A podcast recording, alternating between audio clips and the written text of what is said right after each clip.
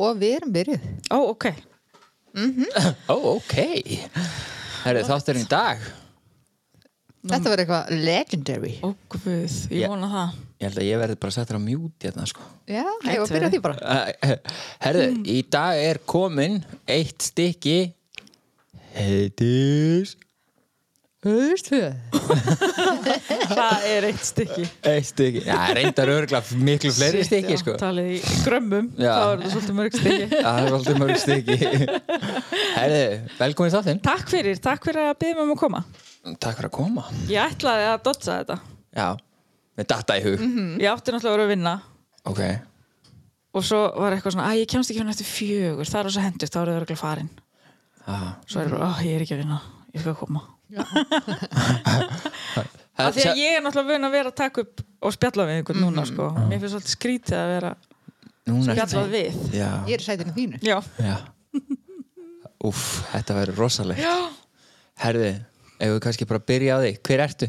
Heyrðu, ég er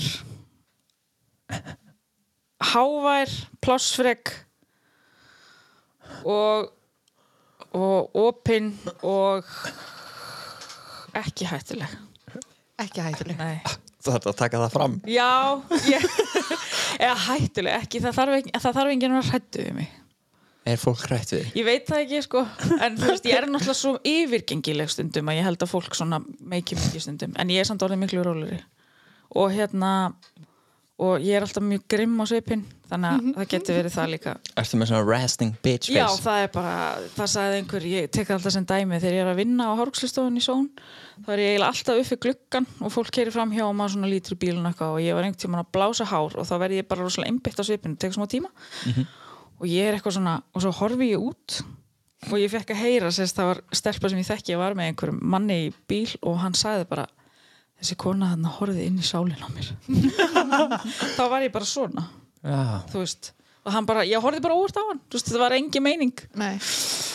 en ég bara svona, er svona svolítið er svona- svona... Óvart horfirinn í sál já það er mjög óvart Það spilar pottet líka bara inn í klippingin og þú með flúraðan haus. já, og já, já, já, já já, það veist. gæti verið það sko líka Fólk er bara með fordóma fyrir þið. já, bara Fólk er með fordóma fyrir. Já, algjörlega, það er mjög leið sko. en svo er svo gaman að sjá það hverfa af fólki að því að nú hlæjaðar mikið að mér einmitt á stofinni, ég er með ótrúlega margar fullornar konur, bara sko ha- fullornar, Já. þær ringja og byggjum tíma hjá konunni með tattúin, þú veist, þær eru áttaraðar sko. Þannig að kærlan þeirra markita á þetta. Yes, yes, yes, yes, yes. Trademark. Ha, þetta er eitthvað svo leið sko. Það er ótrúlega gaman. Um leið og þetta er bara eitthvað lúk fyrir mér bara sem mér langar að hafa. En, en þú veist, samkvæmt einhverjum stimplum þá passa ég örgulega ekki inn í það sko. Æ, ég veit það ekki. Jú. Mér já, Herðu, við ætlum að ræða um lífið þitt. Já. Uh, Þú ert alkoholisti ég er alkoholisti Já, ég er eiginlega bara nýbúin að komast að því. Ok. En hefði mátt en ég Ég, sé, ég hef getað sagt þér það? Já, já. ég sé sko mjög svo magnað því eftir ég áttaði maður að ég væri alkoholisti þá fekk ég svona já, út af svo mörgu Já. miklu fyrr Já, þú veist, bara áður en ég fyrir að misnota sko áfengi og örvandi að þá misnota ég mat Ok. og hérna og svona öll svona þráhyggja.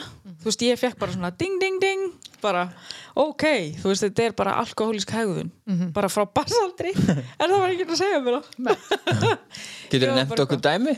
Bara sko, hvenær þetta byrjar? Hva, hvar þú getur spottað svona eftir á litið? Hvar... já sko, þegar ég fer rosalega langt aftur, að þá man ég bara það var til dæmis þegar ég var krakki, það var aldrei til nammi eða gós eða neitt svona eða keks en þegar það var til, þá var ég friðlaus sko. þú veist, og ég var alltaf bara og sem leið og ég fekk pening, þá fór það í það. Og það fór í mat. Og þegar ég fór að búa einn, þá gæti ég ráðið hvað var borðað. Og þú veist og bara öll mín vannlíðan og þráhyggja hvort sem það var einmitt í mat eða kallmenni eitthvað, hún gerði mig alveg geðveika. Ég man, ég horfði sinni í speil þetta er svona psycho moment sko. ég horfði sinni í speilin og hló að því ég skildi ekki hvað ég var orðin geðveik. Og ég bara, hvað er að mér? Og þú veist, ég hafði enga laust til þess að vinna með, þannig ég var bara geðveik. En það snerist að kallmanni sko. Og hérna, og þá kunni ég ekki að deyfa það og vissi ekki að ég væri að deyfa það með því að fá mér að borða. Svo bara kom niðurtúr. Ég vissi ekki að það var niðurtúr. Og það kom vanlegan og ég vissi ekki að það væri tengt þessu. Þú veist, ég er búin að fatta mig. Ég er búin að skilja litlu heitir svo miklu betur eftir ég vissi að ég væri alkoholisti og það búið að gefa mér óbúslega mikla ró sko. Vildi óska þess að þessi þáttur væri tekin upp á myndavel E, já. Það er bara, þú veist, bara svipirnir og bara, veist, þetta er, ég áttaði mig á því. Bara í haust þú Þetta mjög er svo- lifandi. Já, já, já. já, mér finnst lífið mjög skemmtilegt sko. já. og ég hef, já, ég, og mér finnst svo gaman að tala um þessu hluti af því að það að uppgöta þetta sjálf mér langar stundum að hrista fólk bara. Veistu hvað er í bóði bara, veistu hvað, þú veist þetta þarf ekki að vera svona og ég skil þið svo vel og, en ég þarf stundum að bara slaka á og lefa fólki bara að finna sig sko. Og bara svona, já, séði já eða eitthvað svona. Já, Æ, sem má ekki segja. En hérna, en þú veist, séði Í 12 samtökum. já, Í 12 í 12 samtökunum. eða bara hlakka til þegar þú ferð á vok það er ekki ekki að staður þú veist, já, því að nú er ég farin að það að skilja sjálfa mig fær mér náttúrulega bara til að skilja aðra miklu betur. Já. ég hef miklu meiri skilning fyrir fólki. Bara eftir að skilja mig og gangi í gegnum hlutina sjálf. Bara eins og það að ég er að uppgöta núna þessa dagana því ég er umgangast fólk sem er að hætta að nota. Og það er svo snemma í edrumennskunum sinni og það er svo stutt í spunan og það er skapstygt og allt þetta og ég bara ég er ekkert að pyrra með því Nei. ég skil þetta fullkomlega og það, þú veist, ég er ekki eitthvað og þetta er svo erfitt og þessi er svo erfiður og bla bla bla en bara, ég var svona. Þú veist, ég held að ég hefði bara hætt að drekka og ekkert mál. En þegar ég var á vík þá fór ég að grenja í svona vitfyringu af því að sérst, það var alltaf svona herbyggistjekk og ég satt inn í, í símanum þegar herbyggistjekki kom og þá fikk ég, það var bara mínus, eitthvað, manneskja herbyggi persónu, ég man ekki hvað það. Var og ég bara eitthvað fekk svona frekjukast. Yfir að fá mínus og ég held ég hefði verið svo stabíl eftir ég kom út af vogi. Bara, og þú veist, já, eins og ég segi ég er bara uppgöða svo margt og ég- mér finnst þetta endali skóli, ég er búin að eitthvað í bráðum tvö ára og fjóra mánu vel gert. Vel gert. takk fyrir, takk fyrir. Og, hérna, og ég er ennþá að læra svo mikið og mér finnst þetta svo magna og bara þetta gefur mér svo mikið inn í lífið þú veist bara, já skilja aðra og hafa meiri þólimaði fyrir fólki. Sætlitu og sjálfur þér. Já og sjálfur mér sko. Og svona geta einmitt eins og ég segi ég, ég hef oft hugsað tilbaka og bara ó, mér langar svo að segja henni að þetta væri allt í lagi. -hmm. þú veist þegar ég var svona geðbilu og hló bara, bara hvað er að gerast? Og svona geðsræðing Já, algjör geðsarring bara, þú veist, að ég skildi ekki neitt og ég vissi ekki hvernig ég átt að vinna með þetta eða að það væri hægt. Ég held bara að ég væri bara að missa það og það væri ekkert í bóði og þetta er svo, já, mér langar alltaf að segja öllum bara, veistu, þetta verður allt í lagi. En þú þarft samt að vinna Já, já.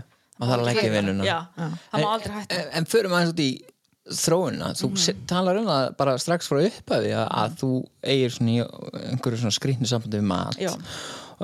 Rekuru, þú veist, þú segir að, að vannlíðan, þú veist, þú talar um að borða þessar tilfinningar að það, þú veit að fylla á eitthvað, eitthvað skonar Eitthvað. eitthvað.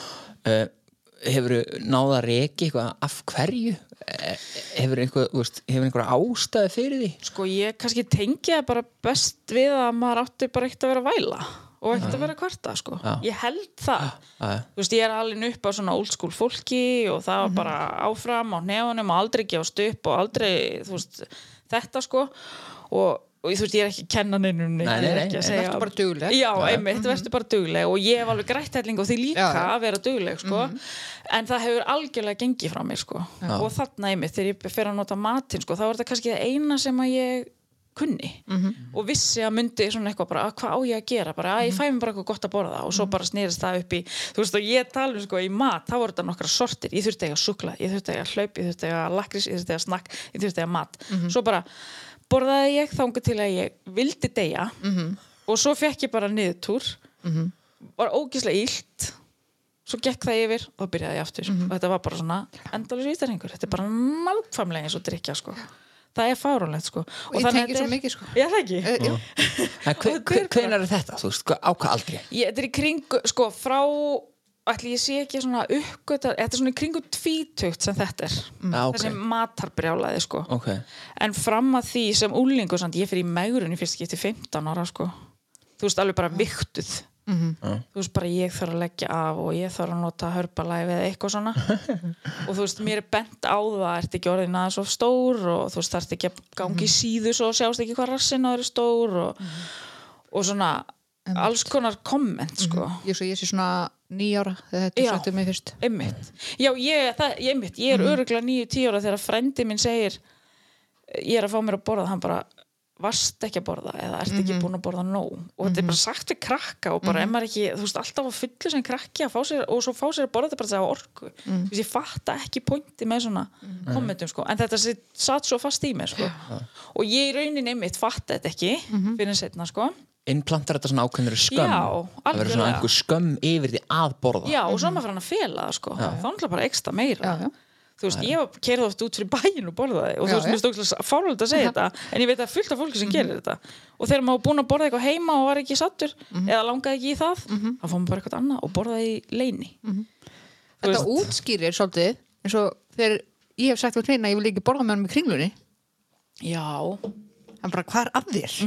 Ég vil ekki borða á stjörnutorgi en mér stóð það er rétt. Já, ég fætti ekki svona. En, en, veist, en það er Þetta bara er skömmin við að borða fyrir framan aðra. Já. já, en þetta er mér finnst, mér finnst uh, áhugavert að hérna svona ummæli Já. um holdafar og, og, og svona geti innprenta skömm Já. yfir því að borða því við þurfum að borða Akkurat. og því verður að og borða af hverju er verið að segja mér sem krakka að sé að ranta í sig að borða Akkurat, þú veist eitthvað svona og Akkurat. svo hef ég alltaf bara, já ég var náttúrulega svo stór og feitu krakki svo sko ég myndir að mér, ég var ekki stór og feitu krakki sko. En þú veist, svo líka fekk ég eitthvað komment af því ég var hvað, 32 kíló þegar ég var 7 ára. Ég veit ekki hvað þessi þungt, en ég man þetta af því að mér var sagt að þetta væri þungt. En ég er líka alltaf verið þung. Já, já. Þú veist, ég held, ég, sé, ég, ég er alltaf núna millir 90 og 100 kíló, sko. Ég er bara stór. já, Og þú veist, og mér finnst það loksins allt í lægi. Já, já. En það tók mig ekki smálanga tíma. Svona 30, 30, ég er 35 í dag, svona frá 30 er ég búin að skilja þetta betur. En sem, þú veist, ég var ekkert feitu krakki, sko. Nei. Þannig þetta er svo brenglað hvað þetta hefur áhrif á mann, sko. en, en þú talar um að þetta matardæmi það sé svona í kringu tvítugt. Er þú að byrja að nota hugbreytið efni? Nei. Nei, það bara og ég leitaði ekki áfengi, mér fannst það ekkert skemmtilegt sko. Nei, akkurat og hérna svo fer ég sér satt svo, hvað er ég 20 og 8 ára þegar ég fyrir hjávitaðgerð þá er ég reyndar orðin sko 160 kíló Ok, og þá er ég orðin bara hrætt um lífið sko. þá bara er ég, þú veist, af því þá sagtu mig ef þú borðar núna holt og hreyfir þig í þrjú ár, þá ertu eftir að bjarga lífiðinu. Og ég bara, ok en ef mér tekst það ekki í þrjú ár. Og þú veist þetta, ég var búin að vera 100 10, 20, 30, 40 og mér fannst ég alltaf ógeðsleg, ég var alltaf ógeðsleg og ég var alltaf þar með hausinn, hausinn og sagði mér bara ég var ógeðsleg, það var alveg sama hvernig, svo sá ég mig þegar ég var 160 kíló, þá sá ég bara mynda mig þegar ég var 120 kíló, ég var ekkert ógeðsleg. Ég var bara stór stelpa. Þú veist, ég veit ekki eins og hvernig ég var að lýsa því bara þykk eða Já, já. ég veit það ekki. Það var bara allt í lagi með mig og það er alveg hægt að vinna með 120 kíló sko þegar maður bara hugsa vel um sig og allt svoleiðis. En þarna var ég bara, er ég að fara að lifa til 30 eða 40, er ég að fara að geta eignast börn, er ég að fara að geta sindi með eignast þannig að þarna var ég, og mér fannst þetta mikil skömm líka, þarna var líka búið að innprinta inn í mig að maður veri auðmingi fyrir að leita sér hjálpar og maður ætti bara að gera þetta sjálfur og Já. að fara í einhver aðgerð væri einhver töfralausn og la la Já, svona eitthvað volust að fara auðvelda já, já, já. Og sko í dag er ég með það rosa mikið aðgerum í bóði en ég skil, en ég er eiginlega pín fegin að því að sumir eru bara komnir í það erfiða stöðu að einmitt, veist, og ég var óbáslega heilbrigð, það var óbáslega magna, ég var 160 kíló það var ekkert af mér en hversu lengi gæti ég spila því spili sko. Já. þannig að ég fer þá í aðgerðina og ég er rosalega meðvituð um að vinna í hausnum á mér og ég er rosalega meðvituð um, þú veist, bróðið minn sagði mér bara, ég er rosalega hrættum að þú fari bara að leita í áfengi staðinn og ég er bara eitthvað, nei, nei, nei, nei, nei, nei Ekki ég. ekki ég og það tókst lengi vel Ja. þanga til eitthvað þú veist, af því að þarna gæt maður ekki borðaðið mikið og þarna það er náttúrulega mælt með því að maður drekki ekki eitthvað fyrst um sinn og eitthvað svoleiðis og ég fór eftir því öllu. Og svo bara, já einhvern veginn, og ég tengi það ekki endilega við þess að aðgerða að ég hafi farið að drekka svona mikið, ég tengi það miklu meira við hvað ég var að vinna mikið og keira mig út í því að vera dugleg. Mm -hmm. af því að þá fyrir ég að slaka á með því að fá mér eitt bjór, af því að það er svo gott á kvöldin slaka þess á, svo eru þið þrýr og svo eru það kipp og svo er ég að döða drukkin eða skilu, svo var ég alltaf fann að drekka bara þannig til ég dó. Og hérna og þetta gerist alveg frekar hratt sko. Þetta er bara eftir þrítugt. Þú veist, ég er 35 í dag, ég er búin að eitthvað í tvö ár. Tvö Þannig að ár og fjóra mánuði. Já, þannig að sko frá 30 til 33 er þetta gerast sem ég fer að snúi sig yfir í áfengi sko. Sem er ótrúlega stuttur tími. Sem er það sko, af því að ég hef verið einmitt hérna, heyrt um fólk sem að er að díla við áfengi og vímöfna vanda bara frá veist, unga aldri og veist, á hræðilega sögu. Og ég hef alveg verið bara guð, kannski er ég ekki alkoholisti af því að ég á ekki svona hræðilega sögu. En það er svo magnað að hann leynist bara víða og maður verður að passa sig að mín saga er ekki dómerkilega en einhver önnur. Og þú veist, ég þarf líka hjálp þó ég hef verið stutt í þessu eða hvað, sko, við þurfum bara mismundi hjálp en hún til staðar, sko skiptir einhver máli hvernig hann stendur yfir sko. alls ekki. Og ymmit ég hérna veit um eina sem kom inn til ykkar, hann svöfu vinkonu mína. Ég tengi rosalega mikið við hana því hún var líka svo fljóta þú veist, þróa þetta. Og við vorum aldrei einmitt ég djammaði alltaf, ég hef drukkið ég prófaði að drekka fyrst 13 ára en ég fekk enga þráhyggju út í það. Og ég bjó bara á húsavík og mér littist þú veist, ég segi alltaf bara að ég hafði ekkert að gera á húsavík en hérna, en svo var, ég, veist, ég djammaði og ég hafði gaman og stundin nefndi ég ekki að drekka og stundin nefndi ég ekki að djamma en þetta fór út í það að það snerist ekkert um það. Þú veist, ég þurfti bara að drekka til að slaka á og slá á taugarnar. Svo var ég farin að drekka til að vakna þú veist, að því að maður var með skjálta og svo hérna vildi maður alltaf vera staðar, ég var með fyrirtæki ég var að vinna í leikusinu, ég var í hárgurslunni þú veist, ég, ég gerði allt of mikið og mamma mamma greið, hún sagði, vildi ekki geima eitthvað? Ég fór í hjá þetta að gerð, tók sveinspróf og opnaði fyrirtæki, allt á sama árinu. Smá alkohólísk hægun ég er segja. bara smá. Og mamma var alltaf að segja, vildi ekki geima eitthvað? Og ég bara, nei, ég er svo dugleg. Þú veist, það var alltaf þetta bara vera dugleg og keira áfram og ég bara, og þú veist, einmitt vakna allar mótna til þess að fara að rækta annars var ég aumingi, svo þetta ég að vinna heima þú veist, í fyrirtækinu mínu, svo þetta ég fór að stofina og klippa svo þetta ég halda áfram að vinna þá til ég fór að sofa. Og ég var bara með kvíðanút ég var hann hókin á kvíðanút af því ég var aldrei að gera nóg, ég var aldrei að gera nóg vel. Og þetta tengi ég miklu freka við það að ég fer að misnúta áfengi heldur en eitthvað annað en það heldur samt alveg í hendur ég hafi Já. ekki matinn þannig ég fer bara að leita í þetta. Já, já. en ég fatt að það ekkert finnir setna þannig að þú veist það er oft- ótrúlega algengt. Já það er mjög algengt með þessa aðgerð sko vissulega. En, en þú ert líka kannski þarna byrjað að gera svolítið sem maður hefur séð hjá mjög mörgum sem þrá með þessi fík bara einhverju tægi að þú ert með óraunhæfar kröfur Algjörlega. á það hvað þú getur og hvað er eðlilegt að gera mikið. Já með Ég svona var- óeðlilegar kröfur. Og bara svona alls konar hérna, einmitt, óeðilega kröfur og sko alls konar viðmið, ég á ekki börn þannig ég get unnið mikið. Þú veist, ég á ekki börn þannig að ég þarf ekki að byggja um frí. Mhm. þú veist, og ég hef enga afsökun til að vinna ekki, ef ég sat upp í sófa bara hvað er ég að gera, ég get að vera að vinna. Þú veist, ég ekki börn þá þarf maður ekki að vera einmitt. Og þetta er svo fárálegt og ég kerði mig gjörsamlega kaf og ég var bara farin að mæta grenjandi vinnun og ég var farin að ringja minn magaveika bara því að ég var með kvíðanút og svo kannski borðaði ég ekki og þá bara engdist maður um en svo var maður líka bara um félagsfælin og maður var um kvíðin og þunglindur og eitthvað sem ég er ekki þannig séð sko. Og bara, þetta er bara, þetta er mesta styrlun sem ég hef upplifað sko. En þarna fekk ég líka bara aftur þannig að ég hlæjandi í speiklinum, bara oh my god þetta er gerast aftur, veist. En núna á öðrum, öðru en ég fór til sálfræðings eða terapista og ég bara, þegar ég var alveg komin í þrótt, ég bara, heyrðu, ég er hérna að misnota áfengi, daglega og svo er ég líka að misnota örvandi en mér líður roslítla og ég get ekki hætt því fyrir mig fyrir að líða betur. Hvernig get ég notað það rétt? Já, hvernig get ég notað þetta og liðið vel? Og hún bara, um, þú þetta í meðferð. Ég bara, "Ugh, Ves. ekki fyrir mig líðið betur. Já.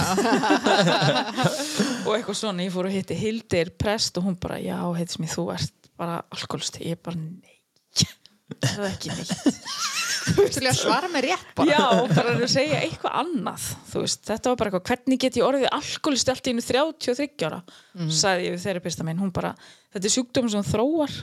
Þá opniðust heimlanir Já. fyrir mér, ég bara ha, get ég þróað þetta? Og þá fór þetta meika sens bara, af hverju get ég ekki hætt? Af hverju þarf ég alltaf meira? Af hverju er ég orðin þessi aumingi að get ekki stoppað? Af hverju get ég ekki stjórnað þessu?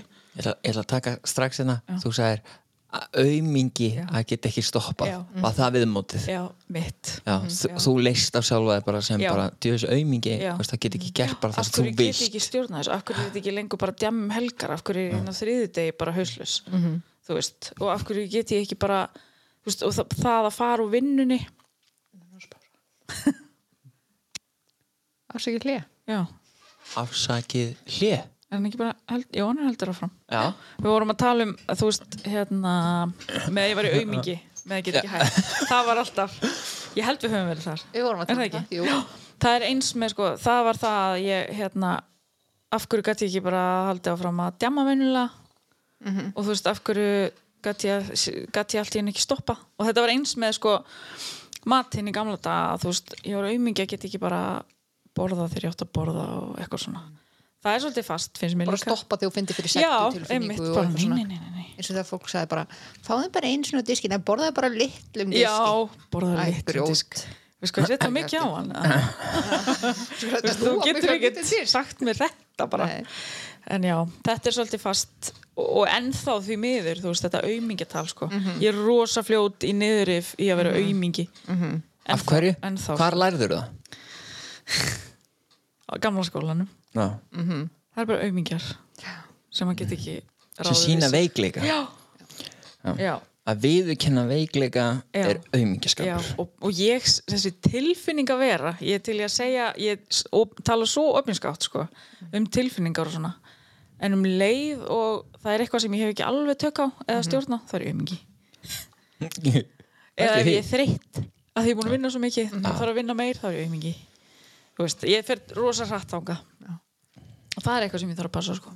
líður þér eins og við sem líkar að þessu leiti skildar bara. Ekki? Ég bara er ég að tala til þín? Það er bara eins og við þú veist, við erum bara eins að þessu leiti já. Við erum bara mjög Við líkar. við- brusildur og brusildur erum bara mjög svipaðar sko. Brusildurnar Erum við ekki afgamlar? Jú. Ég held að þetta sé svolítið Við erum uh, afkvæmi gamla skólans Já. Það er svolítið svolítið Já. Og við erum, hann er ennþá í okkur en við erum samt að reyna að fara úr honum en hann nær okkur alltaf veginn. Já, þetta er svona undir meðvitundað prógram Já. sem að rönnar í, í svona bakgruninu svona þessi svipa Já, en um leið og þú myndir segja þetta ég myndi segja ekki tala svona. Já, já, um sjálfa þig. Já, bara hættu þessu, þú ert bara að skila að kvíla þig og það er mjög hérna, skilinit og Já. keirir út og eitthvað. En ég, ég er um ekki. Já, já. Já, að gilda öðruvísi kröfur og viðmið fyrir sjálfið heldur en aðra. Já, það er þannig. Og mér finnst einmitt sem best samt sem Silja vinkonum mín segir svo oft um mig ef að ég er eitthvað æ, mér finnst ég bara ekki standa mig nógu vel og þú veist, ég er bara algjör aumingi og þú veist, ég, ég er þreytt eða eitthvað svona, þú veist, Já. ef ég kemur eitthvað og hérna, æ, mér finnst ég bara ekki gera neitt já, nógu vel, og hún bara, neina, hætt að tala svona um vinkonum mína, segir hún alltaf Já.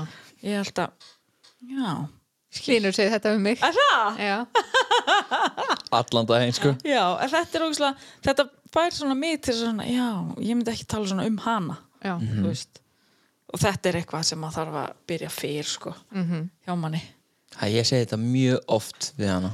Og segi við hana, herru, ekki tala svona um vinkonum Já. mína. Ef einhver ætlar að tala illum hana, þá er það ég.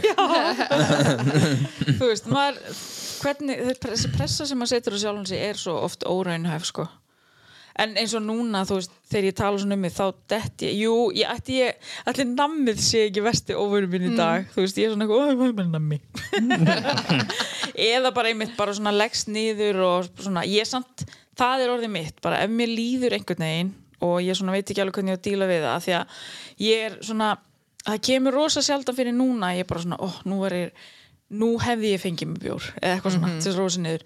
Þannig að núna er ég bara orðin miklu rólegri og ég er bara svona, ég ætla bara aðeins að leggjast í sófan horfa á eitthvað eða hlusta eitthvað bara svona blása þessu úr mér einhvern veginn, slaka bara á og þú veist, já, ég er orðin miklu rólegri þó ég sé hyper manneskja sko, og hávær og allt það. Þú ert náttúrulega margfald svona yfirvegaðari heldur en þú varst sko. Já. Vart það sko. Já, ég er það sko og það er bara eitthvað sem ég er búin að læra. -hmm. og einmitt bara að læra að díla við einhvern veginn tilfinningar og, og einmitt það að kalla mig aumingja eitthvað svona, þú veist, ég veit þetta er ekki rétt en þú veist, skapi var alltaf miklu snegra upp og svona, já, ég er bara yfir, ég er að fullunast og ég er að þroskast. Loksins. Akkur kom eitthvað svona, svona eitthvað svona hlátur Fliss. eftir það, Bara eitthvað fliss af því að við erum 35 ára og loksins að þroskast Já, Það er já. ekki eitthvað. Er, er, það- er, eitthvað, er viðmið um það hvenar það maður á að manni gera finnst það þegar maður er ballus og Já. fjölskyldulaus eða þannig, það eru ógislega margir veit mann engin erum bara ælar og yfirgefnar En þú veist, af því að maður sér Svo sér maður jafnaldra sína Jafnaldra mín er að ferma bönni sín, sko já, já, já. ég veist, ég á vinkonur sem að eru bara börnir eru tvítu sko. Akkurat, þetta er fáránlegt, sko. Og þá er maður eitthvað svona Þú veist, að bera sér saman við fólk sem er, þú veist, orðið fullorðið. Sem ég ágafall mér. Ég bara er ekki að tengja þetta. Nei, ekki heldur. Þú veist, ég er bara stelpa sko. Þannig að maður er svona, já, loksins er maður eitthvað að þroskast. En þetta er, eins og ég hef sagt bara það að verða edru var bara minn besti skóli. Bara loksins er ég að, hérna, að læra að tækla hausin á mér. Og það er það sem ég vantaði þannig kringu tvítu þegar ég vissi bara ekkert hvað ég átt að gera. Þannig að mér finnst þetta ég mæli ekki eitt með því að allir verða edru en samt, mér finnst rosalega mikil vitund og vakning í samfélagin í dag. Fólk er að, hvort sem það er alkoholistar eða ekki, það eru ótrúlega margir venjulegir, ef maður segir það. Bara hætt að drekka þegar þeir vita þetta, þú veist, þetta kemur niður á performance. já, performance í öllu, skólavinnu, æfingum allt. Og mér finnst geggja gaman ég fór í skælagúnum daginn og það var bara, það var geðvitt margir möguleikar fyrir óafengt mm. óafengt hérna kampavín eða svona freyðivín og þannig að töst og eitthvað svona og svo var ekki, það var ekki bara sótavatn eða eitthvað. Og ég var bara svona, vá, ég, ég hrósaði þeim fyrir þetta. Af því að, að þetta er það, og svo núna finnst mér á veitingastöðum miklu fleiri óafengi koktelar af því að fólk vil alveg vera með í þessu scenario, þú veist, ég nefnir ekki alltaf að vera bara með kókdósi eða eitthvað. Þú veist, mér langar líka í fína glasi og það er ekki að því ég er eitthvað að feika það að vera full. Nei, nei. þetta er bara Bara stemming og stemmingunni. gaman og ég hef áhuga á mat og drikk og þú veist, hvernig, þú veist, allt er svona búrið fallega fram og eitthvað svona. Þannig að nú getur verið bara í skælagún á júlunum Já. pældu í því er ekki á júlunum, ég ætla að prófa það næst. En mér finnst þetta mér finnst þessi vitundavakning geðvitt skemmtileg í dag. Að Já. það sé miklu fleiri að hugsa um þetta. Bara þú eigðilegur svo mikið út frá og ég er ekki fanatísk á áfengi en þannig, bara eitthvað áfengi djöðlin, þú veist það er það vissulega. Og það skemmir ógustlega mikið. Og þú veist hversu margir hafa gert eitthvað af sér eða veist, já, einmitt, gert eitthvað af sér undir áhrifum mm -hmm. personubreitingarnar sem verða þær eru ekkert eðlilegar. Og þú veist, ég man alveg eftir því bara, heyrðu, ég ætla ekki að tala við þennan og ég ætla ekki að segja þetta fyrir ég komin í glas. Þá hef ég ástæði og afsökun til þess að haga mér svona. Já, og þá getur ég falið mig á baka Já, það. get ég falið mig á bakveða og það er alltaf sagt, þú getur ekki falið á bakveða nei, en þú ert samt að búa til þetta er eitthvað, þú veist, sumir kalla sig eitthvað annað þegar eru orðnir fullir, af því að það kemur einhver annar karat Ég nú bara að horfa á stefnumóta þátt í sjónvarpinu daginn. Já, já, hann kallaði sig eitthvað annað. Baldur Já, Galdur Baldur Galdur, það er geggjar Ég veit að ég hefði nafni yfir þessa truttu sem kom fram í mér. Ég var að rifja það upp með einhvern Ég var hræðileg, sko, ég var svo óforskömmu og ágeng. Ég bara Þú varst að rifið upp með Dóra en daginn? Ég var að rifja það með Dóran daginn líka. Sitt, ég var að rífa hérna skýrtur utan að kallmönnum Ég eyðilaði skýrtu hjá vinum mínum bara jóladjami Ég reyfi alltaf törnar af svo hló ég bara eins og skessa eins og það verið, eins og einhver hefði eins og ég hefði hlegið að það verið gert um mig. Skilur, og þannig er eitthvað svo bara fylgjum á bakvið að það hafi verið full. Þetta er ógæslega umulegt mm. veist, og hversu margir eru um í því bara já, að gera eitthvað sem þeir sjá eftir af því þeir voru fullir, hefðu annars aldrei gert þetta. Þetta er fáránleg persónuleika breyting sko. Já, það er það? þess vegna finnst mér gaman að fólk sem er ekki alkoholistar sé bara svona, hei, þetta bara er ekki að virka fyrir mig. Þú veist, ég er ekki fíl þetta. Og það er allt í lagi. Og krakkar í dag er að byrja að drekka setna eða bara ekki. Þú veist, mér finnst það líka ógeðslega cool það var Það bara er mjög mjög mikið lingó þegar, eða, það var bara mjög venjulegt þegar við vorum úlingar bara að prófa að drekka. Já, er mér að finnst þetta bara. já, mér finnst þetta skemmtileg þróun. Já. En neistan er aftur á móti að breytast og er hann harðari. Já, Þú veist. Svo það. Já. Það sem er kom mér óvart þegar ég byrja í einhverju neyslu þannig sé og svona partíneyslu og þú veist farið eftir partí þar sem voru einhver efni og eitthvað. Það voru hvað, voru ungi krakkar? -hmm. það voru fleiri, eða þú veist jú ég kem kannski með jafnöldur mínum með eitthvað en það voru miklu yngri krakkar. Já. og þar var orðið venjulegt að prófa að drekka og fá sér í nefið eða eitthvað á sama tíma. -hmm. það var ekki þegar ég var krakki eða úlingur mér finnst það ógisla sorglega aðgengi hefur breyst. Já, mjög. Aðgengi hefur uh, stór aukist með Og- tilkomu þessara, þessara forrita allra. Þetta er orðið svona veist, það er komið eitthvað svæði það sem er tilenga svona, Já. svona samskiptum. Akkurat. Jú, mér er svo spurt um daginn bara, er ekkert mál, getur þú panta bara núna? Ég bara, ekkert mál. Nei. það er svo auðvelt sko. og einmitt þegar það er sagt að sé auðveldara en að panta pítsu þá er það rétt. Já, já, já, það er svo auðvelt og það er svo sorglegt hvað það er.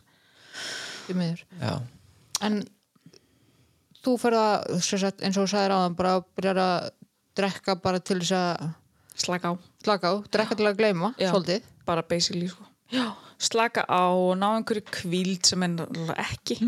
Þú veist og veist og svo drekka til að vakna Já, og svo drekka til að vakna. já. og þetta varð svo hratt sko einhver vítarhingur og svo bara einmitt, þú veist, fær maður skjáltan og þú veist, frákvarsengin af áfengi er ekkit eðlilega óþægilega sko. Það er bara þau eru, þýka líf, þau eru lífshættuleg. Já, fyrir utan það. Og ég mani mitt að hérna, þegar ég nú vogi að veikasta fólkið voru þeir sem að bara innan Nákvæmlega. voru að drekka. Fylli byttunar Já, Það bara get ekki staðið Já. þau get ekki haldið í sér. Já. bara það er bara, líka minn er bara að bregðast þeim Já, já. sko.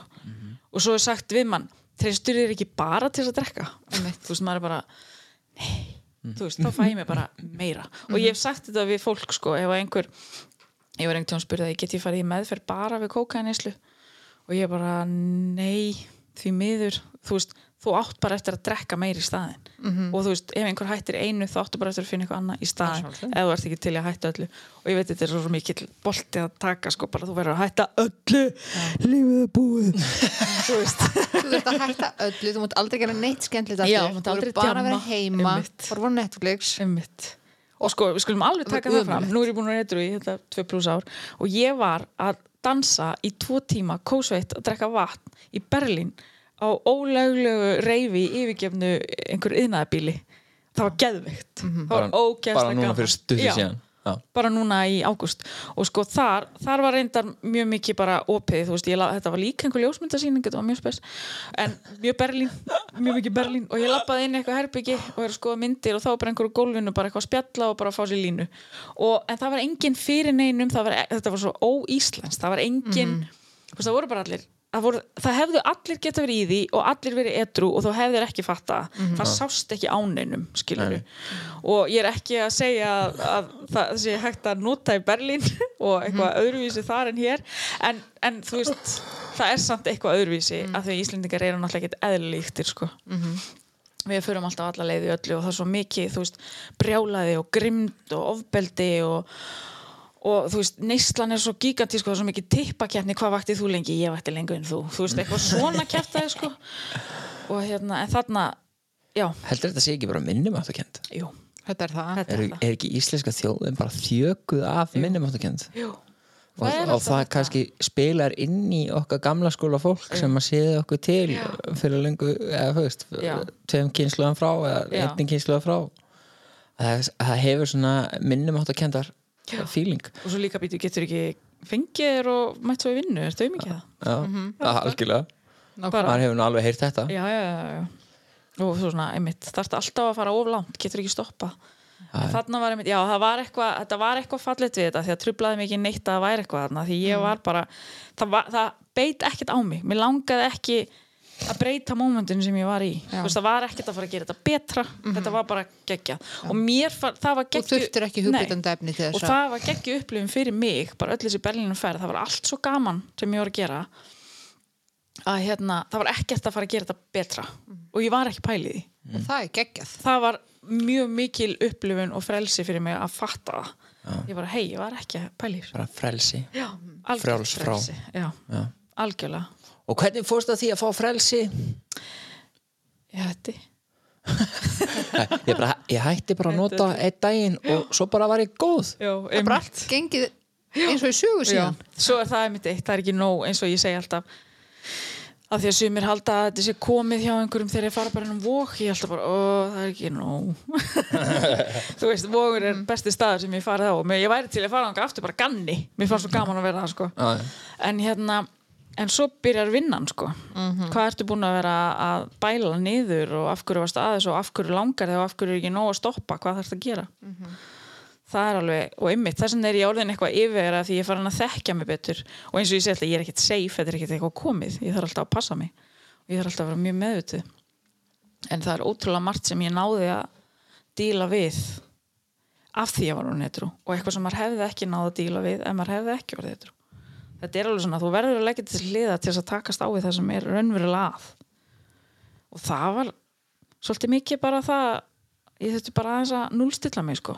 Hætta þessum öfgum og, og þessari pressu og, og svoleiði sko. Og já, það er að takast. Mistekstuð eðlilega. Já, en ég meina svona það, En getur ekki tekið aumingja konseptið á það?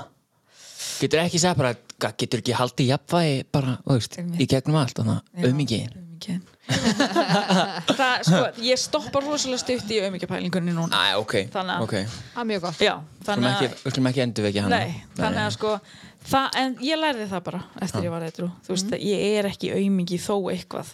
En stundu það er ég bara einmitt að gefa mér það bara, þú veist, eins og eins og í dag, það er frítagur hjá mér í dag en ég er að vinna allar helgar í september og oktober og allar virka dagar líka, þannig ég er svona heyrðu, ég má alveg minga við mig vinnu þarna, ég er ekki Veistu, svo sé ég kannski tóman dag eða eitthvað, ég bara, ég get alveg unni hér veistu, eitthvað svona. Þú veist, það, þetta er allt komið upp í vinnu núna sko. en það hefur raunin alltaf verið það. En það er eitthvað gammalt líka að standa sig og Hefur þú heyrt um vinnu alltaf? ég veit það líka. Tina, ég er með svarið við spurningunni þinni. Já, Þú spyrði yfirleitt alltaf fólk að þig sko hvort að það hafi yfirfært fíknina sinni í eitthvað. Mm. ég, ég er með svarið. Já, og vinna. Vinna. En það var samt líka þá. Já, það var þá. En sko þráhyggjan mín einmitt fór í sko, hún fór í eftir ég fór í aðgerðina þá fór hún í ræktina. -hmm. og þá bara var ræktin. Já, og ég var aumingi ef ég mátti ekki í ræktina já, já, og svo fór það yfir í ræktar föt ég þurfti að eiga ný föt alltaf svo fór hann alltaf fór ég að passi föt þannig þá þurfti ég að ó, ég er ennþá þar samt ég þarf alltaf að eiga ókslega mikið fötum, það er hæðilegt en þú veist, þráhyggja og þráhyggja í kallmenn og eitthvað samþykki og Ertu ennþá þar? nei, Akkur það ekki? hefur Akkur ekki? ég veit að ég bara varð einhvern veginn eftir að ég hætti, þá var ég líka miklu meira bara sáttari við mig og að vera ein Já. ég er reyndar ekki alveg ein lengur en ég Nó. kýs að ræða það ekki hér. En ég meina bara en það til dæmis bara er eitthvað sem gerðist Ok. þegar ég var fullkomlega sátt við þetta er, allt, er alltaf sagt. Bara að vera Já, ein ég þá gubba, finnur einhver. þá kemur einhver. En þetta var allt saman mjög random. leita. Nei, nákvæmlega. En einmitt, ég var ekki að leita en leitaði hann uppi. Nei, ég er að djóka. Hérna, uh, shit, ég þarf að snúa mig út úr þessu hratt. Ég ætla ekki að ræða þetta. Mér fannst mjög gott hvernig við fórum inn á þetta bara, þú veist, alveg óvart. En ég er samt ennþá sáttuð að vera einn Skilur, ég bý ein og allt það. En hérna Sjá, hún er að draga í land núna. Hún er að draga í land, hún er svona aðeins að bakka út úr þessu. Bara, oh shit. Uh, ég? Er alveg dottin og hefur leita í, í samþyggi frá kallmönnum frá kallmönnum og einmitt eitthvað með einhver lúk og eitthvað svona það er bara samt, þetta er svona bæði og af því ég hef alltaf viljað vera nákvæmlega eins og ég vil Já. Og þú veist, ég spur hvernig þú eru svona klætt og hvernig þú eru að vera með þetta hár og hvernig þú eru að vera tattu þarna. Og maður bara, mig langar þetta. Mhm. ég vil vera svona. Og ef einhver samþykki mig ekki Mhm. að þá er það bara ekki mitt. En það var orðið rosalega þreytt. Mhm. þú veist, öllum fannst ég rosalega spennandi. Þú veist, ég mann það að ég voru svo spennandi fyrir kallmenninu sinni að því ég var svo öðruvísi. Mhm. en svo þorðu kannski ekki að tala um mig. Eða þorðu ekki að hafa samskiptu með að við voru edru þú veist, og eitthvað svona. Mhm. Var það því þú horfður inn í sáluna? Jep Það er nákvæmlega það. En það var svona ógislega leiðilegt Þú veist, það var ógislega þreytt Bara eitthvað svona, já, eitthvað ógislega spennandi Og allir eitthvað til ég að spjalla við mann á djaminu En svo var það bara búið að Því að maður var svo mikið Eða Já. maður var svo áberandi Og það er einhvern veginn svona þorðu ekki voru eitthvað hrættir eða maður augraði þeim og svo var maður náttúrulega bara sjálfstæður og eitthvað svoleiðis. En hérna já, en það Loksins. var líka alveg er það ekki alveg áður en þú ferð út í neyslu? Jú, jú, jú, jú, algjörlega. F- ert að sækjast í svona sagt, samþykki í rauninni? Já, já, að það hel- helst oft í hendur við til dæmis eins og það að leitast í huggun í mati já, allt algjörlega. Að vera ósáttu við sjálfa sig. Já.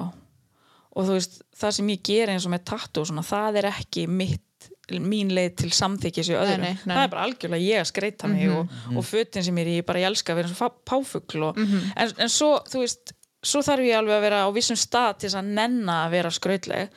Og stundum þegar ég er honum þreytt á því, þá er ég bara venjuleg, ég er í svörtum kjól í dag. Dag. hár. Já. og þú veist, þá er ég bara já, ég, þetta er alveg svona mútsvings líka. Þetta er alveg mín leið til tjáningar er föt og útlit sko. en ekki lengur til þess að sanna mig eða sína mig eða eitthvað, mér finnst þetta bara svo gaman. Já, og ég meina þetta er bara þú. Já, þetta er eitthvað sem ég er nokkrum árum þá varstu miklu meira til dæmis eins og varstu rosalega já, mikið máluð ábyrrandi og... förðuð svona. Þá er ég líka stór.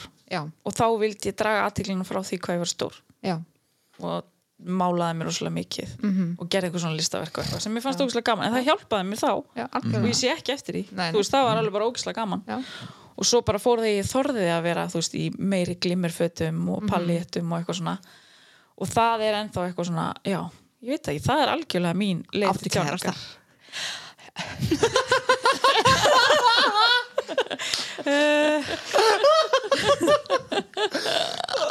hvað er að gerast þetta? Ég var vinn, ég var að djóka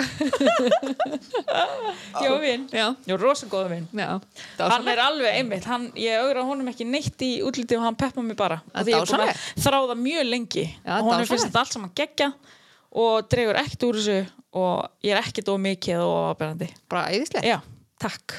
Til að hafa ekki með takk fyrir Kella. Áframgag það hún, bara, hún fann eina eintakið. Já, Já. sem að ég augra ekki. Já, bara geður já, nákvæmlega. Næsta topic. Hann er ekki aumingi Nei, hann er ekki ekki aumingi. þetta er allt hinnir eru aumingjar þegar það hrættu við mig. Já, já, nákvæmlega. Wow. Þarna. Þetta var alls ekki eitthvað á gremjulistan nei, alls ekki. Gremjulistinn kallmenn En hvað var það, hvað var það svona sem var til þess að þú ákveður samt að verða að þessi komið tíma til þess að verða eitthrú? Það er þetta þegar ég er hjá þerapistanum og hún segir mér að alkoholismi sé sjúkdómur sem það getur þróað. Já, varstu það bara til í að sætta þig bara við það strax? Það var, nei, það eða kom... fegstu svona Já, ég fekk svona bara, moment of clarity. Og svo bara, svo þegar mamma segir við mig bara, ég veit ekki hvað að gera við, þarft ekki bara að vók. Og þú veist, við vorum búin að ári fyrir vorum við búin að ræða, þú þarft ekki að vók, þú getur alveg drukkið bara með mat og eitthvað blá blá. Mm. Að því að það tekið eitthvað þryggja mánuða pásu, að því ég kerði alveg út. og bara já, ég get alveg drukkið með mat og svona þú veist, svo fekk ég mér eitt bjór með mat og það var eitt og hálft árskilur sem ég lagði ekki það glas frá mér já. þannig að mjög og hérna og það, það er mitt sko þegar ég kem, sérst þegar ég verði þetta þá var ég eitthvað svona stressuð um að ég hef aldrei prófað að falla innan gæsa lappa en það var basically mitt fall. Því að þarna hafði ég reynd að vera etru án þess að hafa einhverju lausn og hafa eitthvað til þess að stiða mig við og sannfærði sjálfa mig í spjalli við mömmu mína um að ég þyrfti ekki í meðferð að því ég gæti þetta alveg. Þú veist þannig bara, veist, þetta sýnir mig bara svo vel þráhyggjuna og sannfæringakraftin að hérna að ég bara trúði því og ég vildi svo mikið bara drekka og bara í hófi. Já, mér langaði það svo mér langaði svo að geta það sko. En svo þarna þegar mamma og þegar sko vini mínir eru búin að koma og gráta yfir mér bara hvað er að koma fyrir þig? Þú veist ég var bara hætt, ég var alltaf verið mjög lífsglöð og hress og svona, þarna var ég algjörlega farin að draga mig í hlje og hérna ég mitt, farin að ringja mér veika í vinnu og eitthvað svona og fólk var bara að fara að gráta fyrir frá mig, bara heitis hvað er að gerast og hver ertu og hvað er að verða um þig? Og var fólk búið að gera sér grein fyrir að þú væri bara í dagnestu Já, nokkrir og flestir svona innstyrringunni sko. Ok. og einmitt þegar ég tala um innstyrringi þá er það einhverju sem ég var náttúrulega ekki með í nýslu eins og Nei, ég sagði. Mhm. spjalli fyrir þáttin að ég átti enga vini sem að voru í þessu Nei, ég fann mér hóp skilur, mm af því að ég varð í mínu vinahóp Já. þessi sem fór í eitthvað rugg já. en vini mínu voru ekki þannig ég þurfti bara að forðast þá af því ég, þeir mátti ekki vita þetta þannig ég þurfti bara að finna mér nýjan hópa fólki og hérna já, fólk bara svona einhvern veginn sá mig vestlast upp og verði ekki að neinu og hérna og ólík sálri mér og allt þetta. Og mér er svo magna því ég held ég væri búin að skemma mig. Þegar ég lappin um vóg þá er ég hágrátandi að því ég held bara lífið mitt væri búið eins og ég þekkti það sko. Bara nú var ég bara þunglind Já. og kvíðin og félagsfælin og bara ég er aldrei aftur glöð. Og þegar ég var inn um vogi þá fekk ég látuskast bara dag eftir dag eða ég var með svo skemmtilegu fólki. Og þar var ég bara ok ég get, ég get I'm back, já, bitches. ég get komið aftur og ég get verið glöð og já, það er einmitt það að, þú veist, ef fólk er einmitt orðið það þungt Mhm. og lítið í sér, bara trúðu mér þetta er ekki endastöðin sko. Nei. þetta er bara vendipunkturinn. Mér finnst það mjög mikilvægt að fólk viti það. Getur verið byrjunarpunktu bara. Já, þarna snýrðu bara við. Þetta er bara, þetta er búið. Þannig að, já, það var bara eitthvað svona samansapn að ég bara var að valda svo miklum sársauka. Og einmitt óheðaleiki og ég var fann að ljúga svo mikið og hérna sem ég hef bara aldrei gert þú veist, og, og svona astnalega ligar sem skipti engum máli en bara til þess að komast hjá því að segja sannleikan og við kenna að ég væri að gera eitthvað rámt eða ómikið af einhverju. Og þetta var eitthvað svona bara bróðið minn var búinn að panta fyrir minn og voga ári áður og ég vildi ekki fara og hann grét og yfir mér og, og ég bara svona ok. Þetta var, kom bara svona gluggi. Þú veist, ég var alveg oft búin að fá bara ég get ekki fann að vók, hvernig á ég að fá mér í glas í ammali ef ég er búin að fann já. vók það veit allir ég sé hætt að eða eitthvað svona. En svo kom bara um miðjan dag þá ringdi ég bara í bróðu minn Hildi Prest og þeirapista minn og bara getið öll hringt og beðið um mig inn á vók og þið verða að gera núna árin ég hætti við. Svo satt ég bara og beið bara. Bara ok, mér langar ennþá. mér langar ennþá. Mér langar ennþá. Þú veist það því að þetta kom stundum en ég vissi að það myndi rjáttlast af mér. Já, já, þú veist, mánudagarnir þegar maður var á niðurtúr og, og grænjandi og bara, nei, ég var bara komast í gegnum enn dag, ég þarf bara að lifa af bara, ég, bara, nú hætti ég bara og, og svo kom- bara kom miðgdagur og þá byrjaði maður bara, þú veist, mm maður náðu að sofa.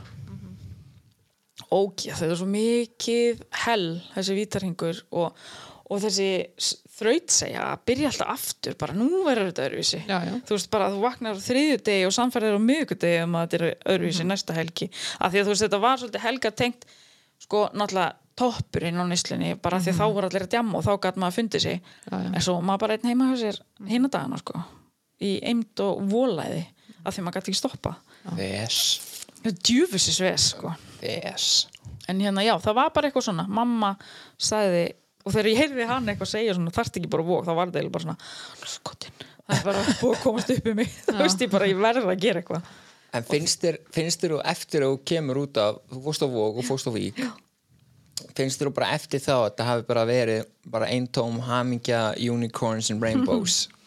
Nei, en mér finnst þetta allt bara verða betra eftir það, svona hægt og róla en svo finnst mér svo magna þú veist, fyrsta árið nú- er ég komin inn í þriðja árið og þá sé ég strax sko hvernig fyrsta árið var erfitt. Þú veist, ég var að fá miklu meiri hugmyndir ég var að pæla miklu meira hvernig eitthvað yrði ég var að veist, koma mér hjá því að mæta kannski á einhverja staði því ég tristi mér ekki til þess eða mér fannst það óþægilegt. En núna er þetta allt orðið auðveldara og ég svona fattaði ekki þá það sem ég er að fatta núna. Eins og ég segi, þetta er bara svo mikil skóli og þú veist, ég er að læra svo mikið á sjálfa mig og læra svo mikið nýtt, þannig að mér finnst þetta ógeðslega skemmtilegt. Og, og eins og ég segi, ég er miklu mér þólimaði fyrir fólki sem er að hætta núna að því ég skil hvernig ég var og ég sé að ég var svona. Og hérna um, mér langar alltaf að segja við fólk bara vertu edru í ár. Þú veist, eins og það sé ekki eitt auðvelt en það er náttúrulega ekki auðvelt. En þegar maður er að byrja, þú veist, maður er að telja pe- hérna mánuðina í peningum. Og hérna og það er svo gaman en þú veist, maður er samt bara einmitt bara sitt, þú veist, tímánir bara 11, það er svo langt í 11 eða eitthvað svona. Núna er maður bara eitthvað eitt ár, tvö ár. Og þú veist, einmitt, ég er, ekki, ég er ekki komið þetta ég er ekki safe út lífið eða neitt. Þetta, mér finnst þetta verða auðveldara að því ég er bara svo sátt við að þetta bara er lífstíl sem henda mér ekki. Ég get ekki fengið eitthvað smá smakka ánum ég get ekki gert þetta stundum. Þetta er bara ekki hægt. Ég ræði ekki við þetta og það er fullt annað í lífunu sem maður ræður ekki við sem maður verður að gefa upp á bátinn. En þráhyggja með þetta er bara það sem að stúta manni og öllum. En að vera sáttur við þetta er búið að hjálpa mér langmest. Þú veist, jú það er alveg búið að koma upp alls konar erfitt og ekkert samt eitthvað svakalegt. En, en ég man satt fyrsta árið þá bara horfði maður bara inn á þú veist, í bílíðan og greifanum, horfði maður og greifan bara og ég fara að fá mig bjór bara nei, ég myndi nú, nei, tjók en núna er það ekki einu sinni pæling skilur og ég og akkur er það vita allir ég er búin að fyrir með Já, ég satt náttúrulega bara á daginn og greifunum alltaf á borðinu mínu nummer þrjú.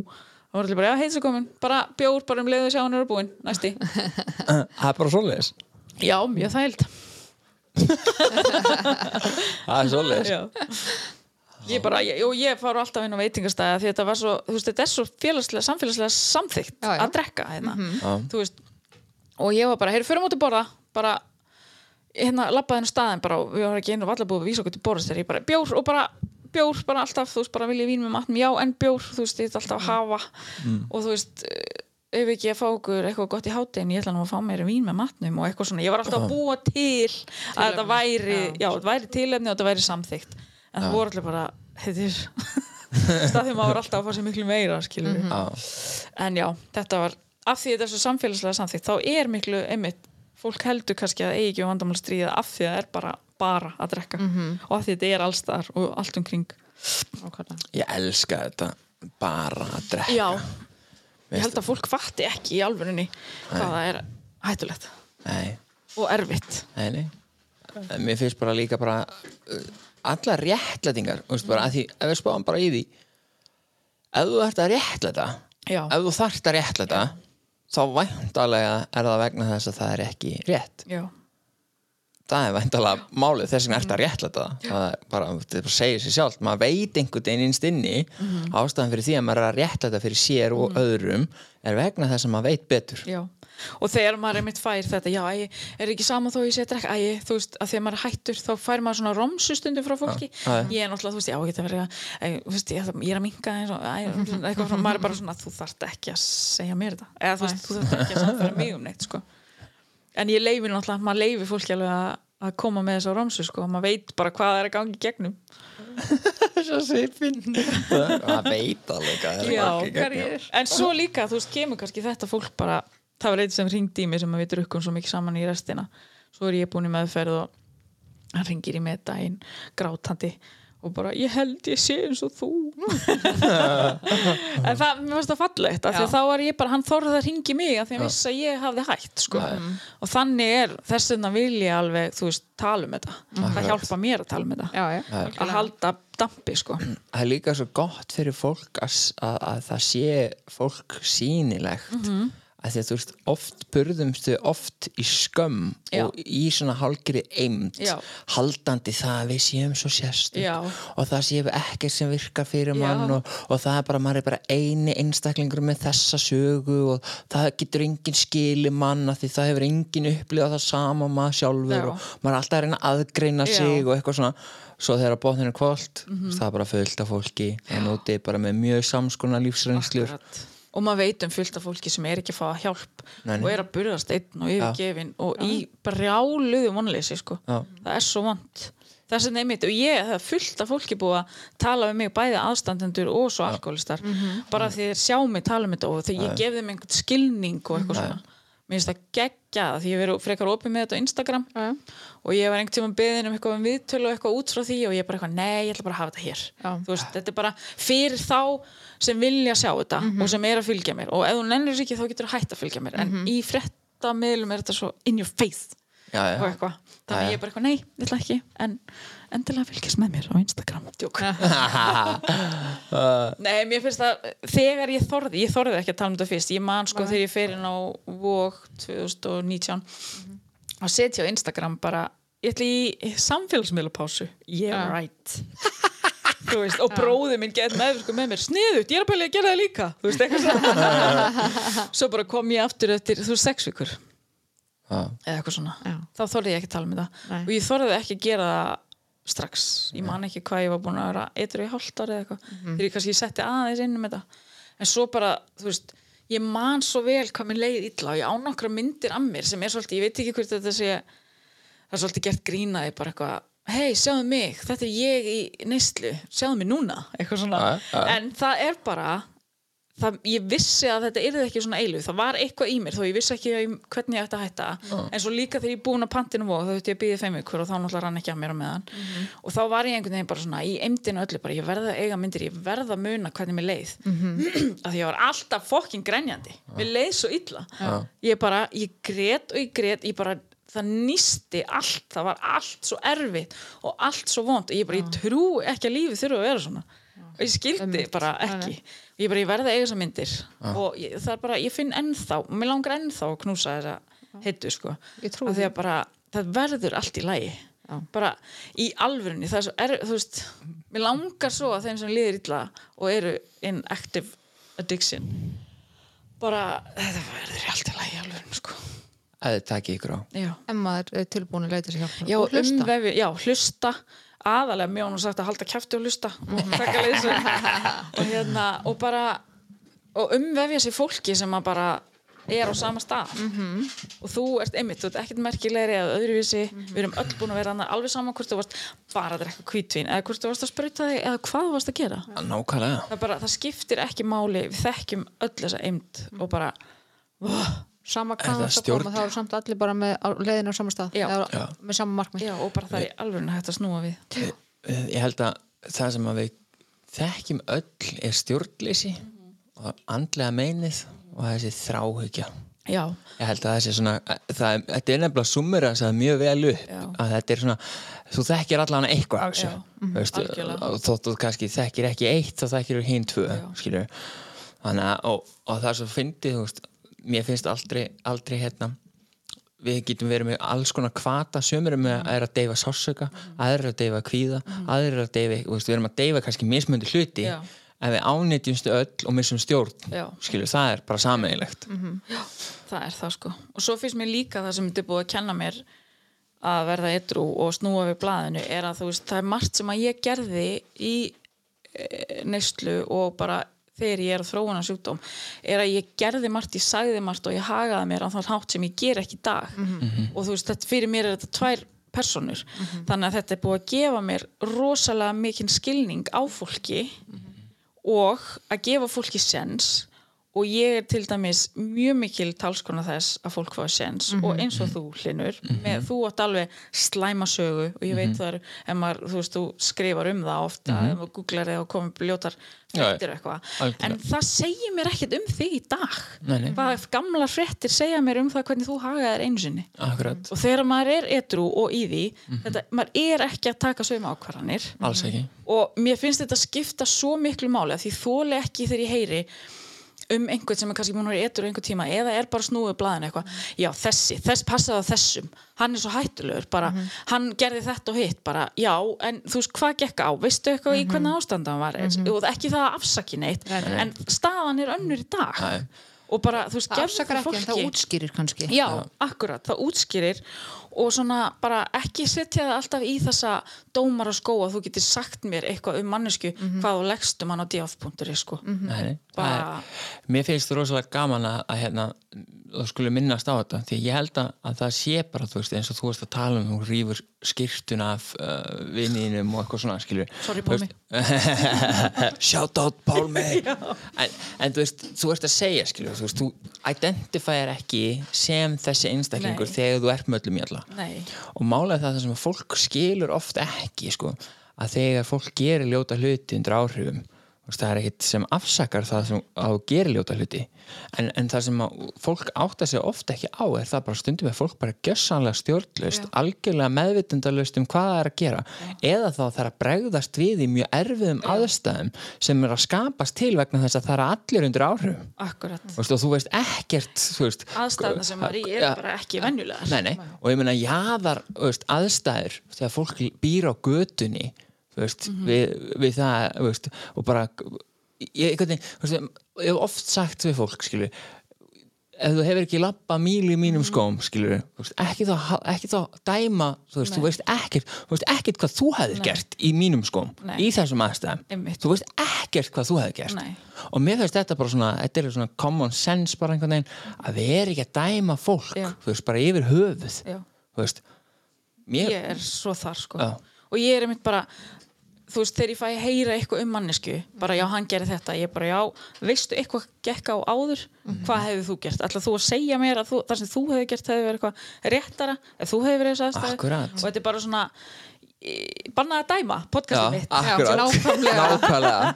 En það er samt, Dóri fann þetta nafn sko. En það, ég lifi, ég er búin að lifa samkvæmt þessu mjög lengi að bara, ég, þú getur ekki sett þig í aðstæðar annara alveg saman hversu hræðilegar eru hversu hræðilegar ákvarðin voru teknar þú veist ekkert hvað gekk áður og þú getur ekki, að manneskinn er búin að snúa við blaðinu eða er farin að gera eitthvað annað í dag þú getur ekki bara, já, ég ætla ekki að hafa þessa manneski vinnu af því að hún hagaði sér svo illa hérna fyrir tveimur, fimm, tíu árum. Akkurat. bara, þú veist, þú verður ég vil dæma fólkið eins og það kemur fram við mig þú veist, að því að nú þekki maður sérstaklega náttúrulega í þessu, þú veist, að verða eitur og kynnist maður alls konar fólki með alls konar sögur. Og ég er ekki að dæma það á því hvað það gerði áður en ég kynntist þeim, sko. Ég bara vil fá að Ég held kynnast við þess séum systurheitir Er það? Mér finnst alltaf bara langt best sko, bara nummer 1 og 3 það er bara að dæma fólk út frá minni eigin reynslu. Það er best. að ég geti vegið og metið það sem ég heyri um einhvern einhver starf, veist að mér er bara alveg sama. Veist, bara, ekki, ekki það, þú veist, að eitthvað, ég tek ekki Nei, nei, nei. bara í fyrsta lagi, þá bara kemur þetta mér ekki við og ég veit að samfélagslega eitthvað. En, en þegar á botninu kolt skilu þá veit ég bara dæma fólk út frá minni eigin lífsreynslu og minni eigin veist, samskiptum. Og ef ég hef ekki kynst fólki þá get ég bara einhvern veginn ekki lagt dóma. Það Ég ég hef engan- sammála, sko. Þú veist, Og mér finnst þetta bara svo þægilegur uh, lífsmóti Já, og þetta, Já, er- þetta er bara svo heilbrið hugsun Já. sko, mínum mati Já, þess vegna ég verð mjög heiti í þessar umræði sko, út af því ég hata svona cancel culture já, eins og ég er líka í tísku á Íslandi í dag sko. ég hata það sko. Ég líka það er bara út af því að ég hef gert mjög margt rámt í þessu lífi Ég sko. líka. Já. bara, og ég held að öll, við öll sem sitjum hér höfum bara gert mjög margt rámt í þessu lífi já, og ef maður hefði ekki fengið annan chance eða bara fengið að byggast afsökunar því sem maður hefur gert rámt og bættu fyrir og það. bættu fyrir það að, og breyst. Já, já, já, að þá væri maður ekki hér Nei. skilur, þá hefði maður ekki fengið tækifæri til að fá að vera fyrirmyndi eða fá Akkurat. að taka þátt í að gera alls konar hluti. Já, akkurat. Og eins og ef, ef mann er bara cancela þá fær maður enga séns til þess að bæta. En þá, þá hugsa maður líka bara, þú veist, ok, ef þú ætti að cancela bara, bara fólki almennt og hvað á þetta fólk að gera? Já. það er bara að hoppa fram að brú.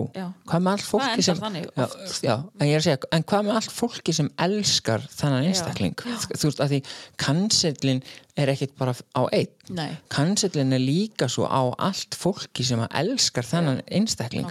Að því þú veist, fólk er ekkit bara það sóló, Nei. það er móðir, bróðir, sonur, faðir þú veist, bara dóttir veist, já, það, þú veist, a- allir í kring þú veist, Já, verða og fyrir þessu um að En bak það- við hvern já. alkoholista eru hundrað einstaklingar algjörlega Það bara með þetta. nákvæmlega, en þú veist allt svona já, flott að hérna, við hérna, þegjum ekki um hluti Algjörlega. og frábært að við tökum á þeim en Já. einmitt, það verður að vera frá báðum hliðum, það má ekki bara taka því öðrum megin Nei, nei. en einmitt, og þú veist já, þetta Já. er bara, þetta er, maður, maður er hrættur við þessu umræðu en Já, já. ég bara þekki svo marga sem að já, bara veslast upp já, já. það að kannski fá ekki eins og sens að bæta upp fyrir eitthvað sko. Og svo er líka bara þú veist að því ef, að- ef við horfum á batamenningu sem gengur að því þú veist, nú erum við með refsi stefnu skilur í alls konar málum á Íslandi. Þú veist, þú fær refsingu ef þú keirur rætt og þú fær refsingu ef þú brýtur að þenni ákveðin lög skilur og þá eru refsingar og þú fær henni í fangilsi og svo framvegs en svo ef að, að batamenningin er ekki nummer 1, 2 og 3 þá ferðu bara inn skilur, inn í fangilsi og svo kemur aftur út í lífið, þú ert engu hæfari þú ert engu betri, það er ekkert búin að hjálpa þér og undirlíkandi rótin það og þú bröst af þér kannski vegna þess að hann getu til þess að geta tekist á einhver ákveðna aðstæður. Þannig að veist, og, og þá hug- hugsa maður ok, er ekki megin markmið að reyna að bæta heiminn? Það hlýtur að vera megin markmið ef, við- ef að cancelkultúrin ef við ætlum að skoða hvað hver hvatin er hvatin er væntalega að reyna að búa til betri menningu. En hvernig getur þú búið til betri menningu ef að þú gefur ekki þessu fólki sjens því að það er miklu líklega að brjóta aftur af sér ef það fær engar fokkin sjens það var einmitt sagt við mig um daginn, það verður bara að loka hennar mann inni. Ég bara, nei það er ekki svarið. Jú, auðvitað má refsa fólki fyrir það sem hann gerði Akkurat. en hann má ekki bara koma aftur eins og hann þarf hjálp. Akkurat. Þú veist, og við viljum þá fá betri manneski út í samfélagið Nákvæmlega. að við þurfum að leggja okkur enn meira í að hjálpa þeim að því að svo geta þeir hjálpa fleirum. Að þetta getur orðið Nákvæmlega. eitthvað góðsviti sko. Þannig að mér finnst við þurfum eitthvað að gera Sæ, hún dettur bara hérna inn. Akkur er þetta ekki pólitík? Þú- Heiðu, það er búið að nefna það við maður heiti svo Bjarni Ben sko. Óh, Bjarni minn. Wow, hún það bara, ég þakka fyrir hún var bara ekki liðust stólina sko, hún hefur bara slæta fram. Hann er svo geggjaður. Að þetta var þátturinn með pólitíska ífavelin já, er það ekki? Herði, erum við ekki bara góða það? Takk fyrir að koma. Takk fyrir að koma, takk fyrir að